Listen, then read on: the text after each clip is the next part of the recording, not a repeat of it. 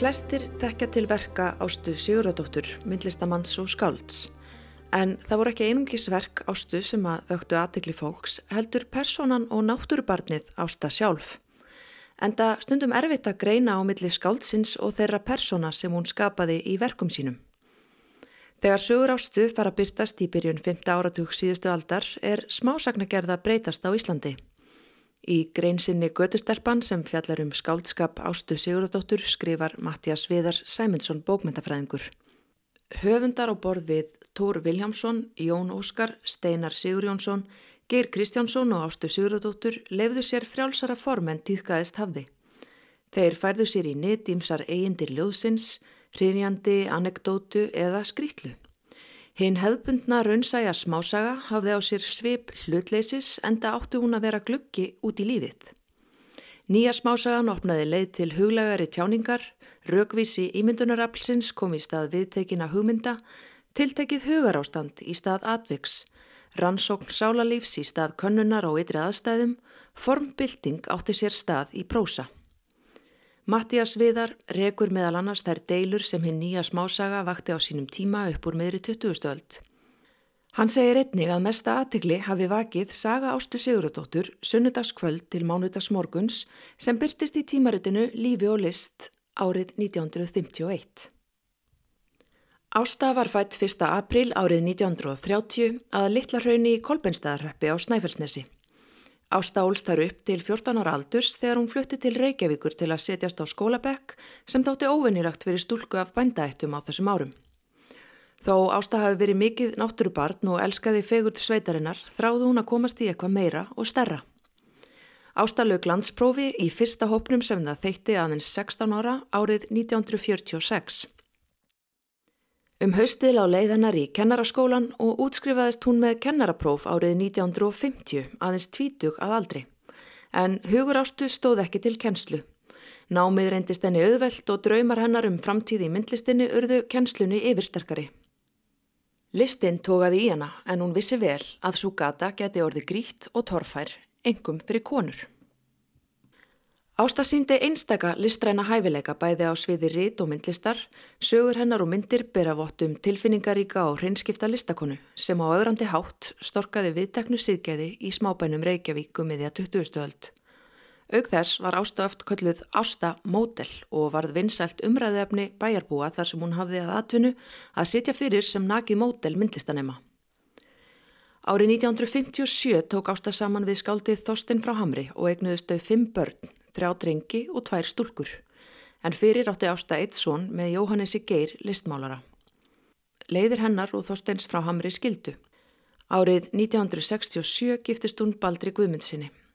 Ásta Sigurðardóttir andaðist í Reykjavík langt fyrir aldur fram þann 21. desember árið 1971, aðeins 41 ás að aldri, eftir langa baráttu við áfengisvíkn. Sögur ástu hverfast á milli skaldskaps og veruleika og persóna ástu sjálfrar verðist byrtast í mörgum þeirra. Þessi fína lína er einmitt svo áhugaverð og væntanlega ein af mörgum ástæðum þess að fólk verðist alltaf forvitið um ástu Sigurðardóttur.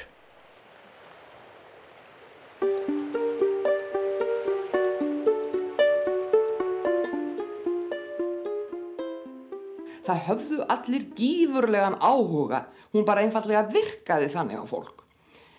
Stundu gæti hún sett upp þessa æðislegu stríðsmálingu.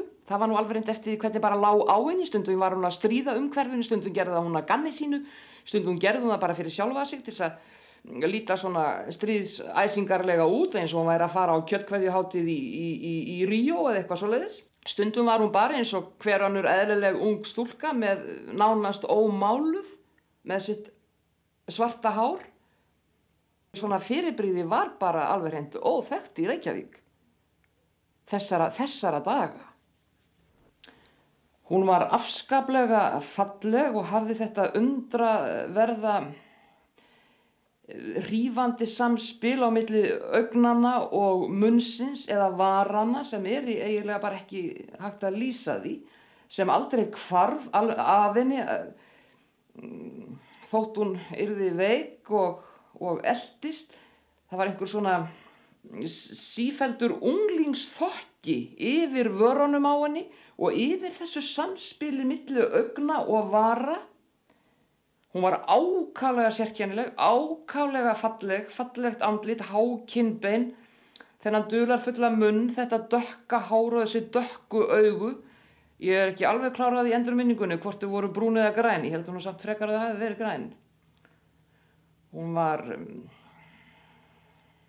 ekkert hávaksinn og hún var beinaber, bar axla og beinaber og eiginlega bara eins og segðkona. Það var eitthvað svona yfir henni ástu sem að á setni tíminn svona minnir mann á segðkonu lýsingar hjá, hjá William Hennison. Hún var afskaplega lítið laus við að vera íslensk uh, týpa. Hún var ákaflega hlý þeim sem þekktan og þeim sem hún tók. Fólk er nú til skiptis að guðma, að guðma yfir því mm, að það sé feimið eða að það sé ekki feimið. Ímist telur að það sé til framdráttar eða ekki. Ásta var feimin, hún var fálát, uh, hún gæti halvpartinn snúið sér undan fólki ef hún vildi það við hafa en hún gæti líka verið ákaflega skemmtileg og, og þá, þá svona gneistaði af henni. Hún var, hún var ekki glöð, hún hefur, hún hefur fundið til samhygðar sam, og samhygðar með þessu fólki sem hún er að lýsa í sögunum sínum, að því hún er í raun og veru alltaf að lýsa einhverji úr eigin lífi, eigin, eigin upplifun Svona lýsir Ástís Kvaran, vinkona ástu henni í þættinum í fáum dráttum á ráseitt í umsjón Fridriku Benonísdóttur sem útvarpað var árið 1991. Það er Ástís og Ásta kynntust um það leiti sem fyrsta saga þeirrar síðarnemdu byrtist í aprilhefti Líf og listar árið 1951. Sagan sunnundaskvöld til mánudagsmorguns vakti vægarsagt gífulega aðtegli í smábænum Reykjavík. Í æfisögu Ástu Sigurðardóttur ritar Freirika Benónís eftirfarandi texta. Ótrúlega berord lýsing af svallnótt í Reykjavík. Greinilega sönn, segir fólk. Ótal spurningar vakna í hugum þess. Hvers konan manneskja getur það verið sem lætur byrta um sig slíka sögu?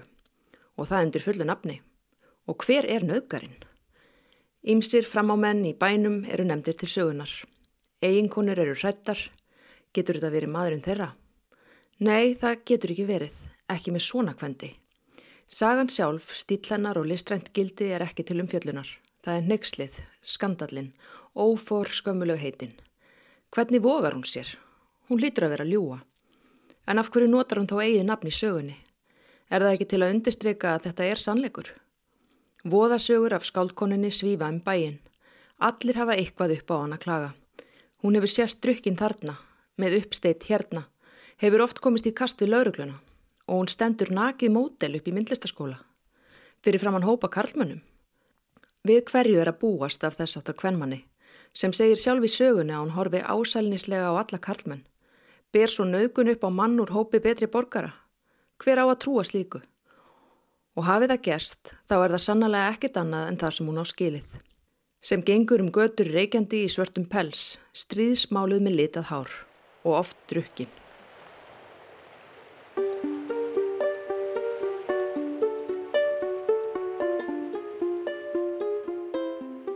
Hennar eh, tortímingar, sjálfstortímingar kvöld, sjálfseiðileggingar kvöld rak hana út í svona ævintýri sem að síðan smásögurnar áræðanlega einhverju leiti byggjast á margar. Og um, hún lýsir neyð að með minnir einhverju sögunu sinni ungs mann sem er í klóm áfengisins og hýstlingin sem það veldur honum þegar hann er búin að yfirvinna og geðið og slepjuna að því að reyna að halda kokkanum niður í. Það er líka einsaga eftir hann sem fjallar um fegurðadrottningu þar sem hún lýsir svona ámóta uh, viðbjóði og, og svo þessum hýstlingi sem hýstlast um taugakerfi þegar að áfengis eitrið nær uh, tökum á personunni Já, ég held hún hafi oft verið að skrifa um sjálfa sig en þá bæði í líki Karls og konu í sögunum. Hún lýsir í öllum sínum sögum vannmætti, lítilmagnanum og þarna í þessari fyrstu sögu sem að gera allt vittlust í Reykjavík þar lýsur hún að mér minnir svona slarknótt gott ef ekki nöðgun mm. já, það er ekki að segja annað. Hún náttúrulega hafa hún ekki verið orðin mjög umtölu þá, þá, þá varð hún það. Ég held hún hafi ekki orðið svona umtöluð á einni nóttu. Hún var þá þegar orðin umtöluð. Vegna þess að hún stundaði lerkjara smíði í funa og vegna þess að hún stóð nakið mótel og það var bara hreint óhugsandi að konastæði nakið mótel ég var þennar sporgöngumadur og stóð nakið mótel eftir að hún hætti því. Uppliði sjálf svona þessar væntingar og þennar hrýstling sem fylgja því að vera nakið mótel myndlistarmanna nú fyrst og fremst kunn fyrir það áður en sagan kom svo tekur hún og sagan og allt þessa myndi í, í, í augum, augum Reykjavíkur frúa sem að náttúrulega upplifðu aldrei neitt og hafa aldrei gert og munu aldrei gera.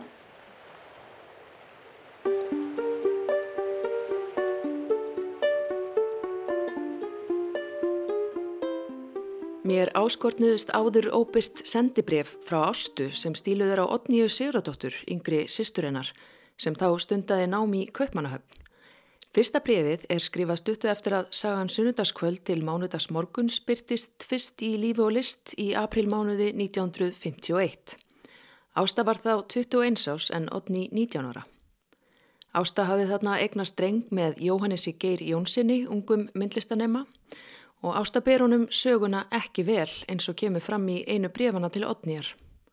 Sónurinn Geir Reyin var í umsjá þórunu móðurömmu sinnar sem hafi tekið drengin til sín þegar Ásta var að klára kennaraskólan. Í fyrsta brefuru verist vera líf og fjör í kringum Ástu, galskapur og snefill af húmor einkenna bref hennar enda mikið um að vera. Alkohólum við Reykjavíkuveg 16. oktober 1951 Sistir góð Hérna kemur lóks brefi frá mér. Ég hef verið heldur lítið heima síðan þú fóst og átti ímsu snatti. Ég ætla að byrja að segja þér að mér og minni klíku sem þú kannast við að er allfjörugt fólk. Við búum á alkohólum við Reykjavíkuveg. Nafnið er endurbætt af Geir Kristjánsinni. Jóhann Pétursson, Stefan Hörður Grímsson, Jónas Einarsson Svavar og ég. Auk þess er Geir Kristjánsson hér til húsa, gestur íbúana, eins konar SSSR en það kallaður stórveldi húsins og lætur hann aðra heimilismenn snúast fyrir sig. Jónas E. Svavar hefur annars skýrt húsið og heimilisfólku upp. Hólar, Atomstöðin, Jóhann, Búi Árland, ég, Kleopatra með 11 fingur, Stefan Hörður, 111.000 naglbítar, stitt bítar, Geir, Guðin Briljantín, sjálfur vil Jónas vera Guðin Benjamin en við kallum hann Óla Fíguru. Dósi hefur stundum komið og hátta sig úr hverju spjör upp fyrir Jónas og það má ekki sjá milli hvor drulluðari er um lappirnar. Það leiði næstum yfir gamlukonuna uppi þegar hún gekk fram hjá glukkonum þeirra eitt morgunin en þá hefði þeir teikt svartar fúlar og úldnar lappirnar eins og taðskánir upp í glukkakistuna. Ég og Stefan Hörður sem er mjög þrifin höfum fullt í fangi með að halda í horfinu fyrir óþrifnaði Jónasar. Einni etur hann allt matakinn sem hinn er kaupa um leið og það komið inn í húsið og verður að læsa það inni ef það á að döga daginn út. Mjög hafa kvatir manna aukist síðan Kleopatra með elluðu fingur kom í húsið og eru farnar harðvítuar kröfugöngur um ganga á herbyggi flesta nætur af mikillir reist.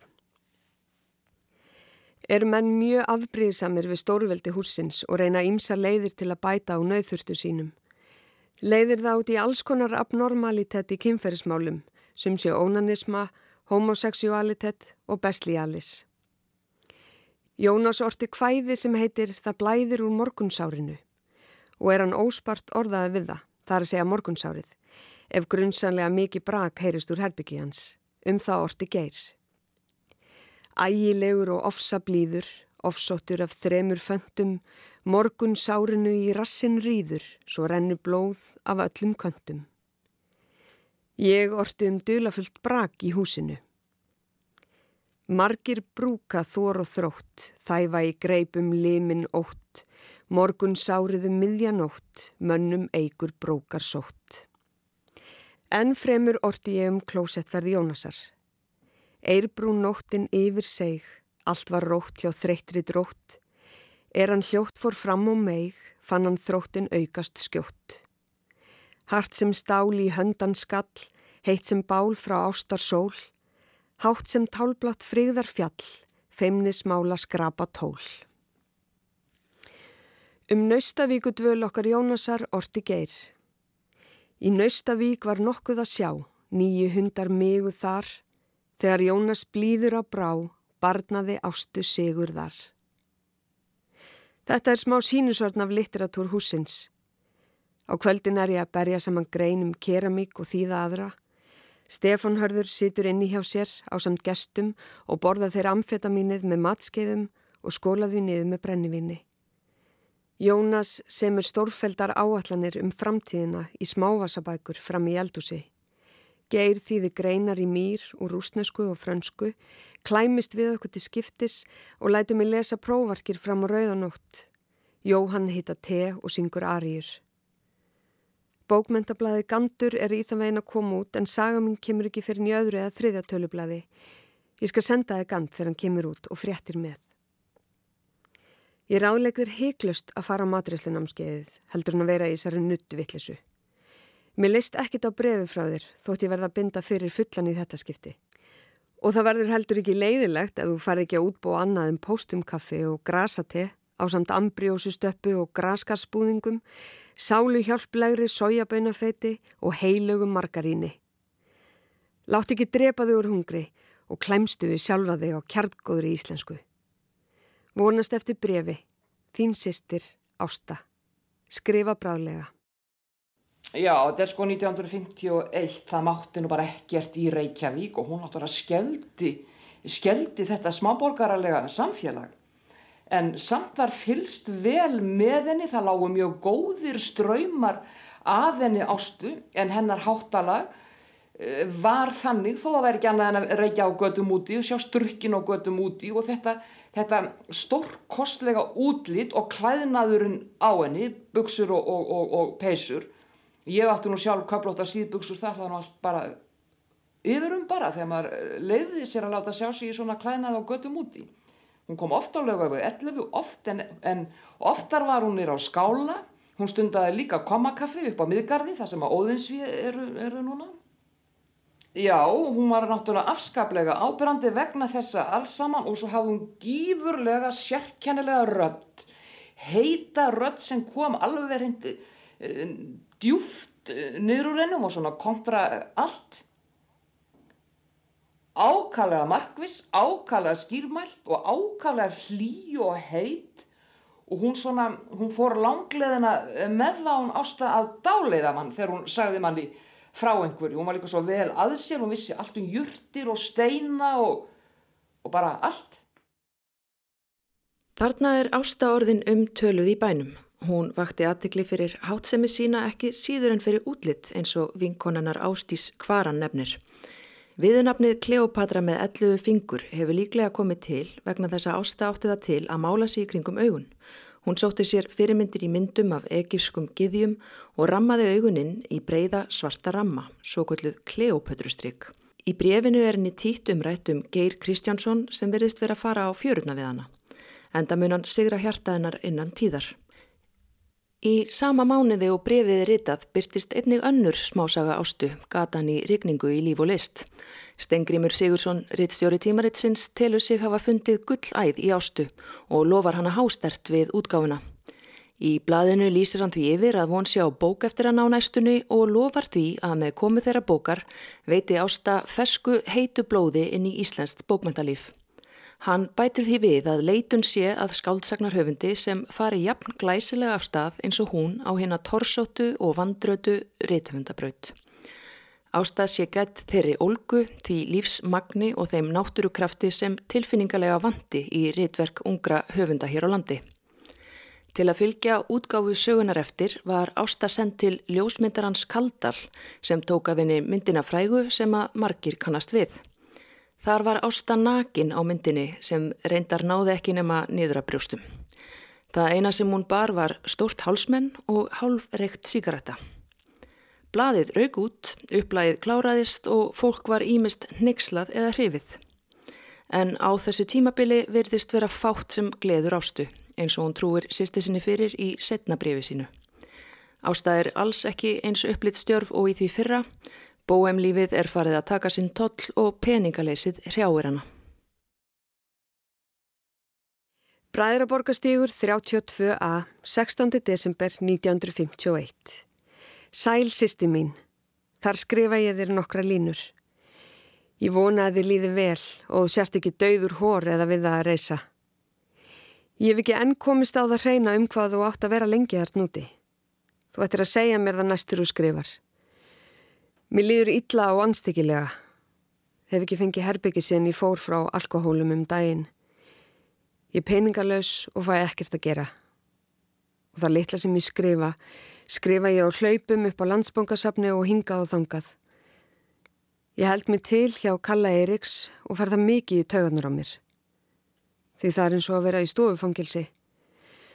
Hann gætir mín eins og sjáaldurs auga síns og fer allt með mér sem ég fer. Vakir yfir fram eftir öllum nóttum og segir marg endurtekna brandara úr jemmet og öðrum dönskum blöðum, ásamt rafvirkjabröndurum. Ætli ég að lesa kvæði fyrir sjálfa mig, lesa hann líka norsk kvæðakjaftaði upphátt. Hann er afar hreikinn af norsku kunnóttu sinni. Svo sínir hann með fótstúfin í tíma og ótíma og les danslaða texta sína og leikur tónverk sín. Hann er alltaf svo blíður og góður og mennlaus og hægur að ég get ekki fengið af mér að skamman þótt með döð langi til. Svo er hann alltaf að fara á fjöruna við mig á yfirtak væmin og viðrinnislegan hátt þótt hann vita að ég sé mig geir og vilja engan annan en hann. Jafnvel þótt við geir komum saman heim þangað. Kalli fer alveg hræðilagi tögurnar á mér þótt hann hafi enga hugmynd um það. Það er alveg að gera mig vittlösa að hafi ekki annað hús að venda. Nú er Ragnari smára búin að taka mig upp á sína arma. Það er að segja ég verði náttúrulega að skrifa eitthvað fyrir hann í staðin. Og hann hefur verið að dunda við að útveða mér herbyggi undarfæri mánuð og ekkert gengur. Ég fyrir laungorðin uppgifin og öllu þessu og stundum hata ég fólkið svo að því að lýsa engin orði við fjandskap þess og skilningsleysi. Úri mitt fór í veð fyrir brennivínu um daginn. Ég vil ekki geta leista út en þá því við Stefan hörður eigum enga peninga. Ég get ábyggilega ekkert skrifa að viti fyrir en ég fæ herbergi. Ég kem sjaldan heim. Mér leiði svo hvernig pappi og mamma eru. Þau get ekki við því gert og ekki ég heldur. Einu gleðilegu stundirnar eru þegar við geir förum á smá fyllir í og skjálfum okkur til hita upp á skrifstofu mýr. Hún er nú í þingolstræti 27 þar sem prestó var. Þar laumast geir til að sofa á gólfinu. Hann má helst ekki vera þar en getur ekkert annað farið. Hann fær sára liti kaup fyrir reittstjórnastörf sín og hefur aðeins fjóra nefnundur í rúsnensku en það sveltur hann svo oft og lengi í einu að hann hefur enga matalist þótt hann hún sé bóða að borða. Heldur situr út í hotni og reiki hverja síkartuna af annari.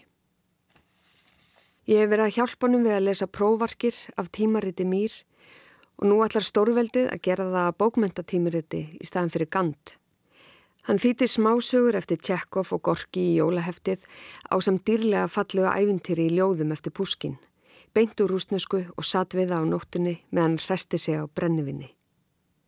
Ég þýtti fyrir hann viðtal við íslensku sendinemdina sem fór til Moskvu nýlega. Stengrimu Sigursson er á þönum að undirbúa jólahefti af lífi og list og stendur grætt login aftur úr honum. Ég skrifaði síðasta hefti og varð hún metsala á ný og býði nú eftir að hann borgi mér eitthvað fyrir. Ger hann það ekki, læti Ragnar gangi málið. Gandur dó vegna miskilings millir reittstjóruna og átti ég mikinn þátt í því. Ég reytist svo við geir út af smámunum að ég tók af þeim söguna og hefur svo saga ekki komið út enn. Það var svo sem ekki skaðin skeður því þetta eina intak sem kom út af gandi var að flestu ómulagt og reittstjórum til skammar.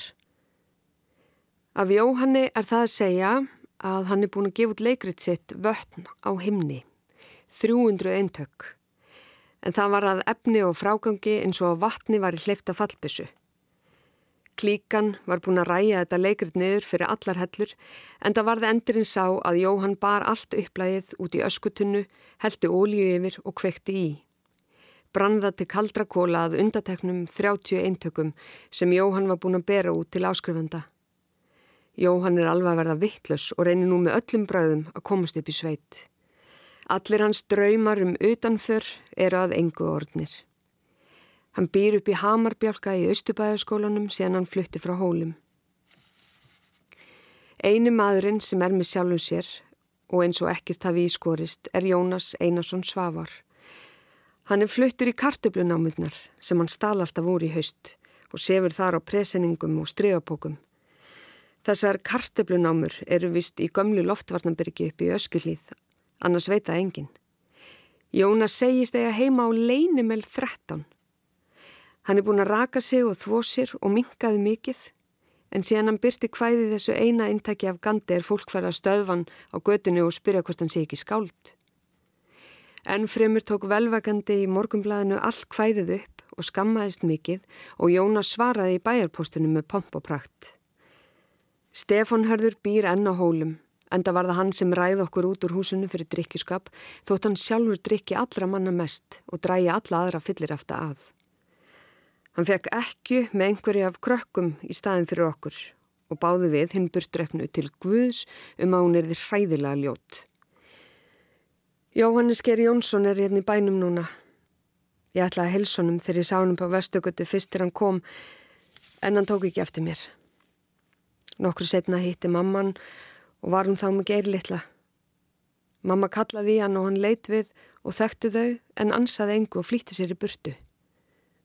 Ég sagði mömmu að hún skildi bara láta tryggingarna borga meðlægið en það höfum við alltaf hlýfst við að gera eins og þú veist. Jóhannes fekk þá strax kæru fyrir vanskil og þá gætt minn maður komið heim, stórmóðgæður við því að við skildum ekki hafa komið nafnspjöldun okkar á bakka og beðið auðmjúglegast um áhernans. Ég var ekki heima þegar þetta skeiði en ég hef mætt honum nokkru sinnum síðan og látið sem ég sæjan ekki. Ég hefði aldrei trúið því að Jóhannes væri svona ómerkilegur. Svona gengur það fyrir mér og öðrum. Ég sendi þér hefti að líf og list með pakkanum. Sagan gerði mikla lukku og byrtist myndir af mér í öllum blöðum. Ég hafði lítið gaman að því. Mér leiðist allt. Það verið áræðanlega döfleg jól fyrir einhverjum núna. Geir hefur ekki efna á að fara heim til sín núna og hann á engan aða hérna í bænum. Ég óskup átt með að fara heim. Þetta er óþekkur, hlýðir engu og er búin að læra orðbræðið á leiksískinum sínum. Gamma dín. Láttu mér í friði. Hann er annars alveg eins og þegar þú fóst, rýfur allt og tætir. Pappi og mamma láta allt eftir honum og banna honum ekkert. Mamma predikar yfir mér að skrifa eitthvað uppbyggilegt. Mér dettu það auðvitað ekki í hug. Ég er orðin svo leið og allu að mér langastundum mest til að deyja. Fyrirgefðu, sýsti mín, að ég skulle skrifa þið svona. Mér bara leiðist svo mikið stundum og það hittist svona á í þetta sinn. Ég vona að þú geti samt brosað einhverju í brefinu, til dæmis ástandinu hjá skaldunum og mér, að kalla og glemdum. Ég var léttlindar en næstir í skrifa. Ef ég get klára skaldsöguna sem ég er að vinnað núna, fæ ég einhverja peninga og þá lagast þetta. Við reynum að búa til jólatref fyrir þetta. Látt ekki bera á því að illa hafi leið á mér þegar þú skrifa mömmu. Hún byggði kærlega helsa þér og detti líka. Hún ætlar að skrifa þér með pakkanum ef við sendum hann í pósti með gullfossi 27. desember svo þú farða hann á gamla árinu. Ég ætla að skrifa hérna vísu eftir dósa nokkus konar jólakveði frá mér. Alein stendi út við sæ, ist við lendinguna. Þegar ég sendi í sumarblæ, sólskins sendinguna. Við óskum þér gleðilega jóla og vonum að þér líði sem best. Detti stagast mikið á frengu, borða fyrir Anna og fleira og byrja að heilsa frengu. Verstu blessuð, þín sýstir Ásta. Í brefinu til Otnýjar kvartar Ásta yfir Karli Eiríksinni rafverkja sem hún er farin að halda sig hjá. Hún flytur þó að lokum í brakkan til hans þar sem hún virðist ekki hafa í önnur hús að venda. Ástarsambandið við Geir Kristjánsson hófst um þetta leiti og helst á milli þeirra í einhverju mynd næstu árin. Batsfæðir hennar Jóhannes Geir hafði skilið hann eftir ólétta og flust til Dammörkur. Eins og Ásta lýsir í brefinu virðir hann þau ekki viðlits, kvorki hana nýja drengin sem þau áttu saman, Geir Reyin. Þriðja bref Ástu kemur ekki fyrir en tæpu ári síðar. Í millitíðinni sendur hún frá sér smásöguna Draumurinn í sérprentari bók árið 1952 með dúgristum eftir sjálfa sig. Sagan fjallar um fóstureyðingu og er skrifið í fyrstu personu. Maðurinn í sögunni er auðþekjanlegur á myndunum, það er Geir Kristjánsson, réttöfundur og ástmaður Ástu. Í minningagreinum Ástu sem byrst var í þjóðvílanum 30. desember árið 1971 rítar Gunnar M. Magnússon. Ég átti draum. Það var draumur sem átti fyrir mér að rætast. Hvað er fremur sjálfgeft um drauma? Ég beigð þessi tillökun að hann rættist. Það myndi verða eitthvað sólskinsdag í mæ þegar allt getur skeið eða bláa vornótt um það bil sem morgunin lesi á gullreipum upp í heiminin. Þessi draumur var alveg ótrúlega dýrlegur um sjálfgeft djást og ég undraðist að mér skildi hafa dreymtan. Með þessum orðum hefst sagan draumurinn sem rúmlega tvítug stúlka sendi frá sér í bókarformi árið 1952. Það er draumurinn um ástina til lífsins, draumurinn um fegurðina og þá sælu konunar að vera til þess kvött að bera líka maður sínum kveikuna að nýju lífi. Hvílik dýrð og í fögnuði hjartans lifir hún hverja stund í tilhökun þar til einhver daginn að hún rekkur upp við það að þetta nýja líf, barnið hennar, er ekki velkomið í þessa veröld og hún mætir skilningsleysinu og þjáningunni og síðan grimdini í umhverfinu, efnislega og andlega. Þessa harmsögu segir Ásta Sigurðardóttir á svo einstæðan hátt og með þeirri fullkomnu snilli sem þeim einum er fært að tjá sem hefur hlotið náðagáfuna. Gunnar M. Magnússon lýsir því vel hvaða tókstreitu personan í sögunni er að kljást við og eflaust er hann líka að tala um ástu. Með sögunni braut Ásta stórt tabu á þessum tíma, mörgum þóttun ganga oflánt og mörgum þóttun ráðast á karlmenn, sér í lagi geir. En draumurinn vakti engoða síður eftirtækt fyrir óvinnilegt heispusleysi. Eintak draumsins er að sama hvort konan í sögunni hefði fengið að njóta ávaksta síns og kosið að eiga barnið sem hún gekk með, hefði hún verið dæmt jafn hart fyrir það eins og hún var dæmt fyrir að eignast ekki barnið. Þannig virðist ástu hafa liðið á sinni stuttu æfi. Sama hvað hún gerði, þá gátt hún aldrei unnið. Eins og gefur að skilja voru komnir brestir í sambandera ástu og Geirs Kristjánssonar sem er henni ofarlega í huga þegar næsta brefi skrifað til Otnýjar. Þarna er ásta flutti í bragga hjá umrættum Karli Eiríksinni rafvirkja sem var einna fjölmörgum vonbyðlum hennar. Camp Knox, C10, Reykjavík, 18. november 1952. Kæra sýstir. Þar skrifa ég loksins. Þakka þér fyrir brefið og einni að þú skammaðist ekkert út af því hvað ég hef vannrægt að skrifa þér. Það er sjálfsagt heilmikið í fréttum, þótt mér finnist orðið öll tíðindi lítill. Ég bý í brakka eins og fleiri fátæklingar og er þakklátt að hafa þakk yfir höfuðið. Ég var húsnæðislegs í sömar og lá oft úti og svalt stundum heilu hungri. Ég búin að ganga í gegnum eitt og annað og hitt og þetta. Kalli var svo eini sem nokkuð hýrti um mig í sumar þó hann gæti ekki mikið.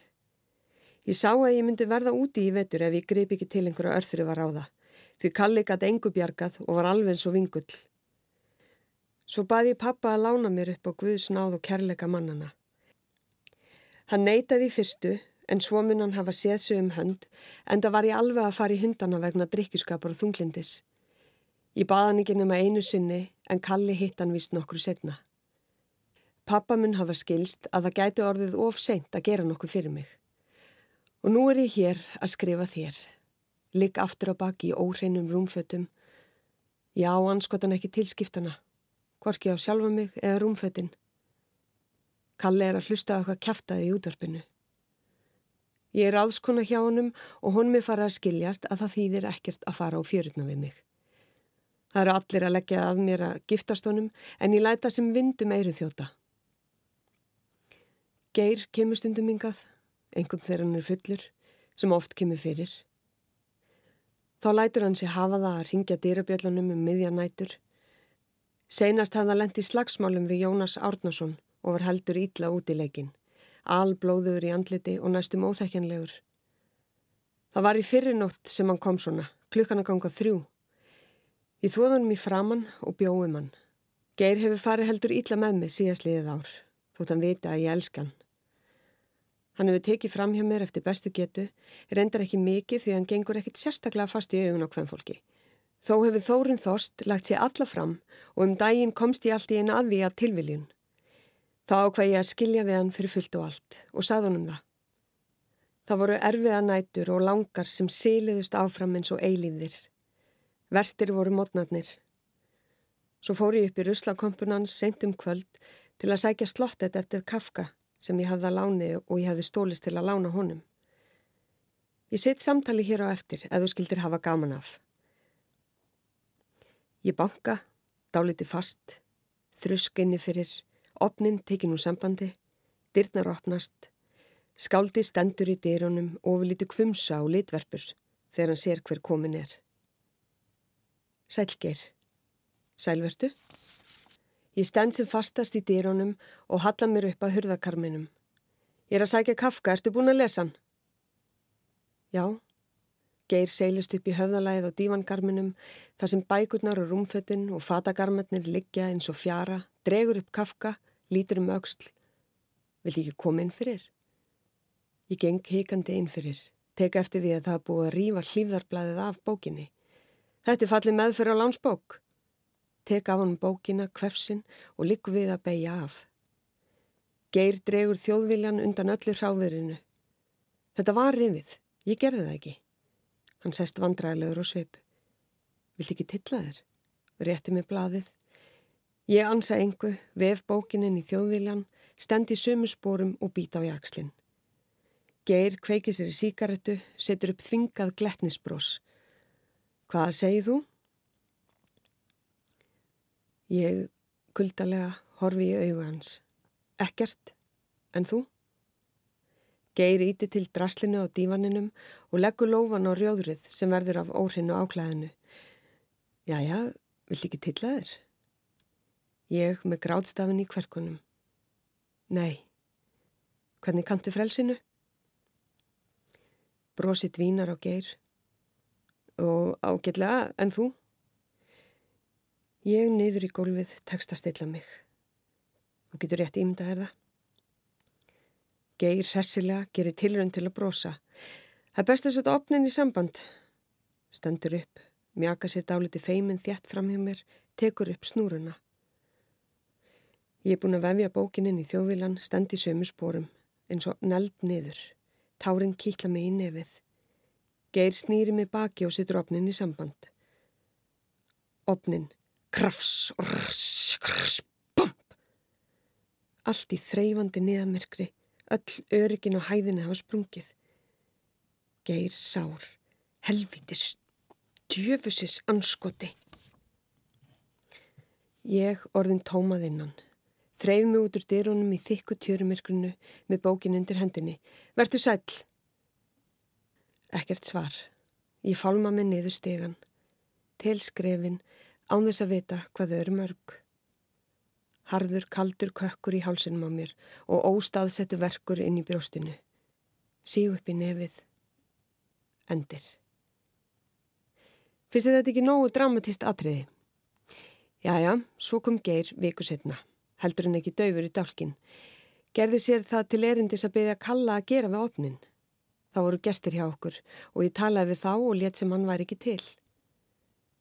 Þá satt hann fram í eldúsi og talaði um opnin við Kalla fram og aftur í klukkutíma. Hann var dálítið drukkin og bætti óspart á sig. Svo fór hann að spyrja Kalla hvort honum finnist hann vera óþokki og svo framvegis. Þegar gestirni fóru kom hann raglett inn fyrir og reynda að fá mig til að tala við sig og skora á mig að tepla eina skák. En ég er honum fjári góði skák, byrjaði að tepla í fyrravætur. Ég tók áskorunni og við teldum um það hvort hann ætti að giftast mér. Ef ég inni átt hann að giftast mér, en ekki ef hann inni. Ég vann skákina. Málaðan upp í horni með drottning og ryttara eftir mjög harsnúið og fallegt tabl. Þá var hann staðrað á nýja að láta gifta okkur daginn eftir hjá borgarfókita. Ég hendi gaman að hann og sló öll upp í grein. Þá var hann alvarlegur og þungbúinn og í vorkindunum. Hann var svo ægilega einn. Svo var þann hálf veikur bæði af sulti og drikju og þegar hann fór að spyrja hvort ég vildi ekki að hann færi, gati ég ekki annað en tekið hann í sátt. Þú skilur þetta kannski ekki, en þegar maður elskar eitthvað svona heitt, þá verða afbrót eins og meiningalöst kvennafár, stríðni og kuldi að lítilfjörlu um smámunum. Um nóttina sagða mér að Þórun væri sér einskinsvirði, sér þetta miklu vætnaði mig og svo framvegis. Ég trúð honum, en það margt verra um geir en að hann sé falskur og líin, því það á hann ekki til. Ég veit ekki hvað þetta gengur lengi svona með okkur. Hann kemur alltaf til mín þegar eitthvað er að hjá honum, lætu geðvönskuna sína og þunglindi bitna á mér og stökusinum góður, ákaflega góður eins og svona menni eru oft. Í fyrirnótt þegar ég var búin að þvó honum í framann, búa um hann og gefa honum mjölk og síkarettur, kurðan sér niður og hjúraði sér af mér. Ég held að hann var í sopnaður. Þá leita hann allt í hennu upp og sagði Ég ætla að koma til þín alltaf þegar mér er verulega kallt og líður ítla. Það harðaði mér getur bjargað sér sjálft og verið eitt og yfirgefið en það veika flýr til þín. Þegar ég veikur og einmanna, lítilfjörlur og fullur er alltaf eitthvað í mér sem horfur úr fjarlægð á tiltækti mínar, köldum hatursögum. Hann benti á ennið á sér og horfið framann í mig. Hérna inni eru augu sem horfa með gler kaldri fyrirlitningu á allt sem ég geri. Þegar ég er fullur og mér er ósjálfrátt og ég er veikur fyrir og læt undan, þessi augu eru ég sjálfur, það sterka í mér. Svona horfa þau á það veika, tilfinningalöst og grimt. Svona horfa allir á það veika, nema þú.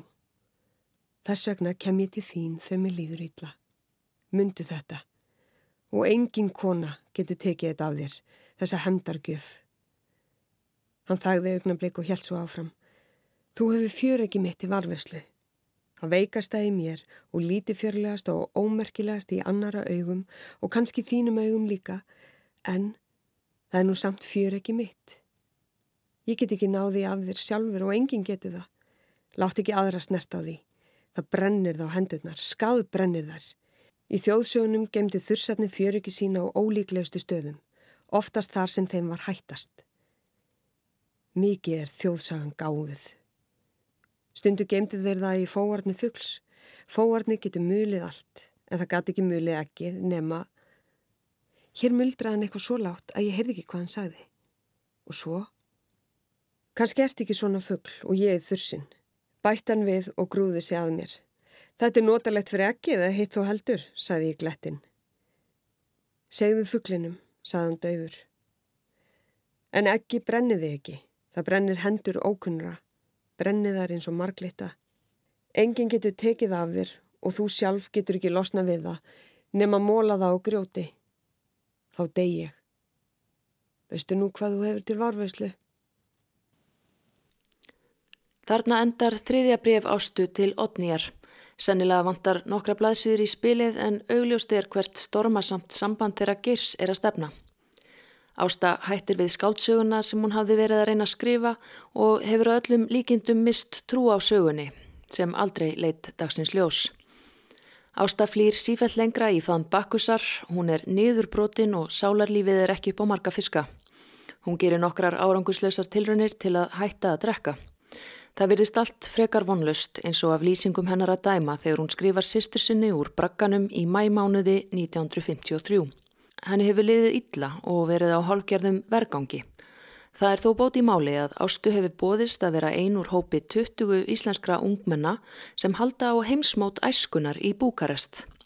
Ragnar í Smára sem var annar eigandi smjörlíkisgerðarinnar Smára og velunari listafólks í Reykjavík verðist líka hafa lagt vendarvængsinn yfir ástu og reynda aðstóða hana með ímislegt, meðal annars styrti hann ástu til Búkarestferðarinnar. Camp Knox, C10, 27. mæ 1953 Kæra sýsti mín Man er ekki vann þurfa á að létta ofurlíti á hjarta sínu. Ég var að frétta að þú ætlir ekki að koma heim í haust. Maður þarf þá ekki að hlaka til þess. Ég er mjög einmanna og mér veist erfitt að lifa. Hér í kampinum ber lítið á vorinu, eintónd rík og rustl hverki stingandi strá. Óhreinar, þreyttar og geðíla kerlingar, skamma tötralega krakka og þungbúnir örugar ráfa niðurlútir um með sviplös pókerandlit, bölsínin holdiklætt. Nei, það ber ekki mikið á vorinu hérna. Já, ekki einu svona pottaplöntu til að glæðja augun. Fátæktin er svo mikil að ramagnið hefur verið lokað í fimm vikur og kólamóli hefur ekki komið inn fyrir dyr þessa hús þar sem aðver mánadarins. Ég gæti varla verið auðmari þótt ég byggi hér einn. Mér er satt að segja alveg óskiljanlegt hvernig barndlaus reglumæður í fastri vinnu getur verið eins blankur og kalli. Ég skal taka það fram að kalli svindlar á ramasmælinum, en það eru þetta engin laust. Ég ætla að fara til Búkarest á friðaþing æskulísins með kommunum. Það er fimm vikna ferðalag og við verðum í kringum 20 manna hópur hérðan af Íslandi. Ferðalagi kostar 3500 krónur báða leiðir. Allir ferðarkostnaður, matur, drikkur og gistingar og aðgöngumiðar og allar skemmtanir innifallið.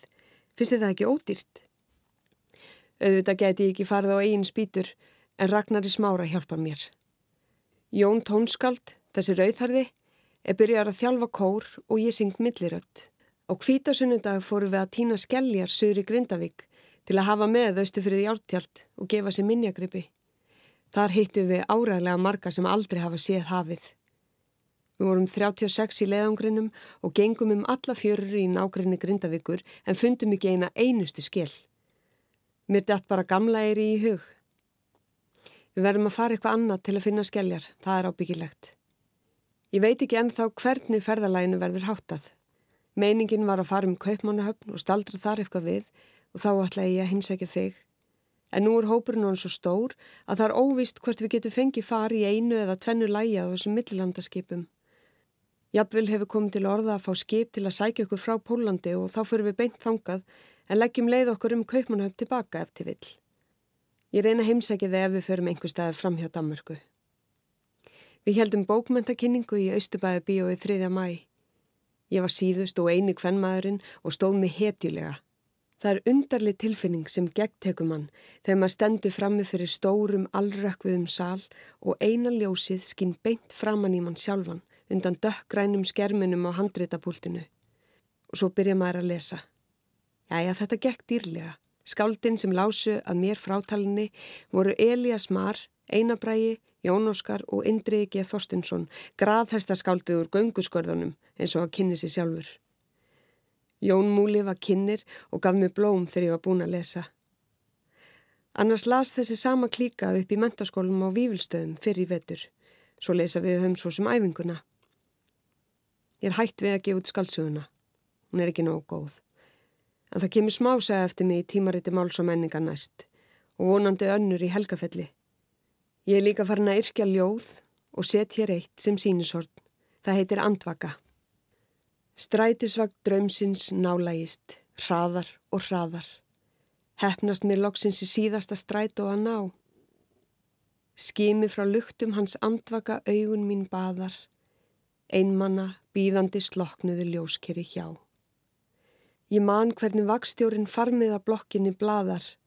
Brátt munu langþreytir hverfa til nætur staðar. Svefnin hinn margþráði örþreytan líkama laðar. Loks mun ég ró í sætinu dúnmjúka fá. Ég náð ekki strætó, hann namrendar aldrei staðar. Náttmirkri kringum mig, byggsvörtu múrunum raðar. Um niðdima vegi er síðasti bíl eginn hjá. Strætisvagt draumsins fjarlægist hraðar og hraðar. Hvernig finnst þið þetta? Þú segir mér það í næsta brefi. Ég reyna að senda þér sögurnar þegar þær koma. Ég hef ekki verið með neinum öðrum en geir í vetur. Það er eitthvert undarlegt ósjálfræði. Alveg sama þótt okkur sinnist alvarlega og við ákveðum að skilja.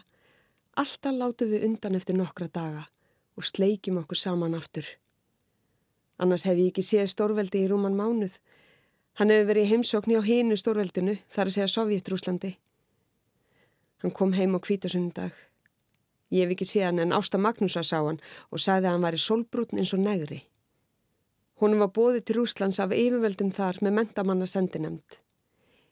Þeir komist austurundi Tíbet og hafi við strukki vodka og borðað kaviar upp á hvert dag. Að minnstakosti hvaðust þeir vera mjög ánæðir. Það má heita en byttisöð kærlihið upp á dönsku, sambandið okkar gers. Ég elska hann alveg út af lífinu, en hann getur ekki skilgreint sína tilfinningar. Samt kemur hann alltaf aftur. Ég veit ekki hvað þetta endar. Nú er eftir að vita hvernig stendur í bæli hans eftir rúslandsföruna. Hann hefur verið að þýða rúsnarska skáldsögu sem heitir Happiness á ennsku, en stórskáldi lætur hann að heita Lífið býður. Þú gerðir í hugalund hvernig hann segir það. Hér kom út í vetu Gerpla eftir Haldó Kiljan Lagsnes, eitthvað mesta bókmentaverk sem ég hef séð. Þú varst að lesa hana þegar þú kemur heim. Hún er stór og dýr, en ég slapp vel út úr að eignast hana. Ragnar í smára gammir hana. Hann hefur einhverja tröll að trúa mér. Já, ég held ég fari nú að slá botni í þetta. Ég er halv heilsulegs af þunglindi, drikkjuskap, keðjureikingum og vitaminskorti.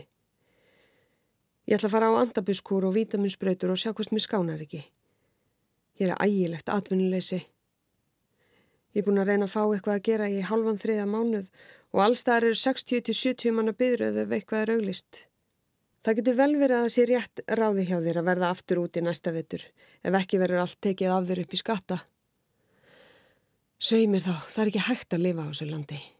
Ég tek bara undir minn steini steinar. Hér áður fyrr, það var satt. Ég var tróðin í svaðið. Hvar sáuði mannkinnið komast á lægra stig? Ég var hungraður nakin og orti í alþýðu blaðið og allur heimurinn fyrirleitt blaðið og mig. Þó getur verið að rætist úr, ég veit það ekki. Sýnist ekki bjart framöndan. Ég sendi þér tvær gamla myndir, þær eru báðar ljótar og báðar prentaðar.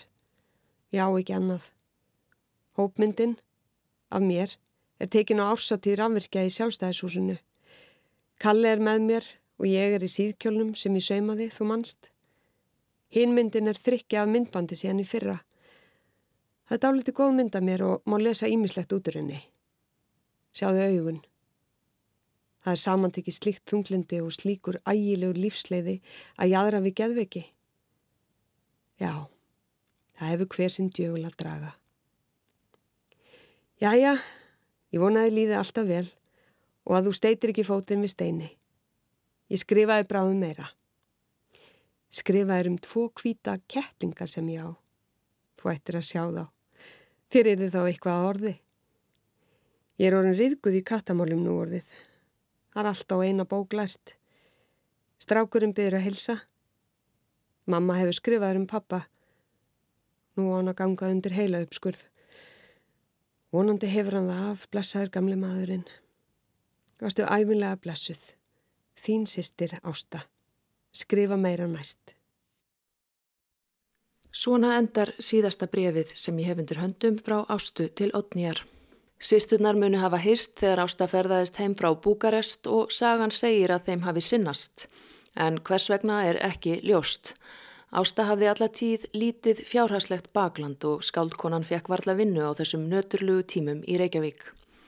Í æfisugu Ástu Sigurdóttur sem skrifið er af Fredriku Benonísdóttur er minnst á ársáttíð rafvirkja sem Ásta segir Otníu sýstirsinni stuttlega frá í brefinu. Í æfisugunni segir að Ásta hafi verið rekin á dyr fyrir það eitt að vera á staðnum. Því Ásta átti óvildarmenn að því er virðist vegna þess hversu mikið hún augraði samfélaginu í Reykjavík á sínum tíma. Rótleysið, umkomuleysið, fordæmingin og svo staðirind að passa hverki inn og vera meðtekinn hefur eflaust átt stóran þátt í því hversu mikið ásta flýr sí endutekið í faðum bakkusar og finnur þar sitt atkvarf. Ásta átti ekki einungis í baráttu við samfélagið heldur líka við sjálfa sig. Hún skrifa risjótt nokkrar smásögur til viðbótar á þessu tímabili sem eru svo gefnar út í smásagnasafni árið 1961. Í millitíðinni kynnist Ásta ungu ljóðskáldi, sveitapilti sem er nýkominn á mölina. Hann er 19 ára og heitir Þorstein frá Hamri. Hann er bjartsitt, skemmtilegur og hann stappar í hann að stálinu. Þau verða ástfangin og farað búa. Í skamastund verðist byrta til hjá Ástu. Hún ætlar að lifa drauminn eignast mann, börn og bíli. Í setni þættinum um ástu sem verður fluttur í næstu viku mun ég fjalla um ár þeirra þosten saman, börnin og ótímabæran dauða skálkonunar. Ég þakka áhörnina en þanga til góðar stundir.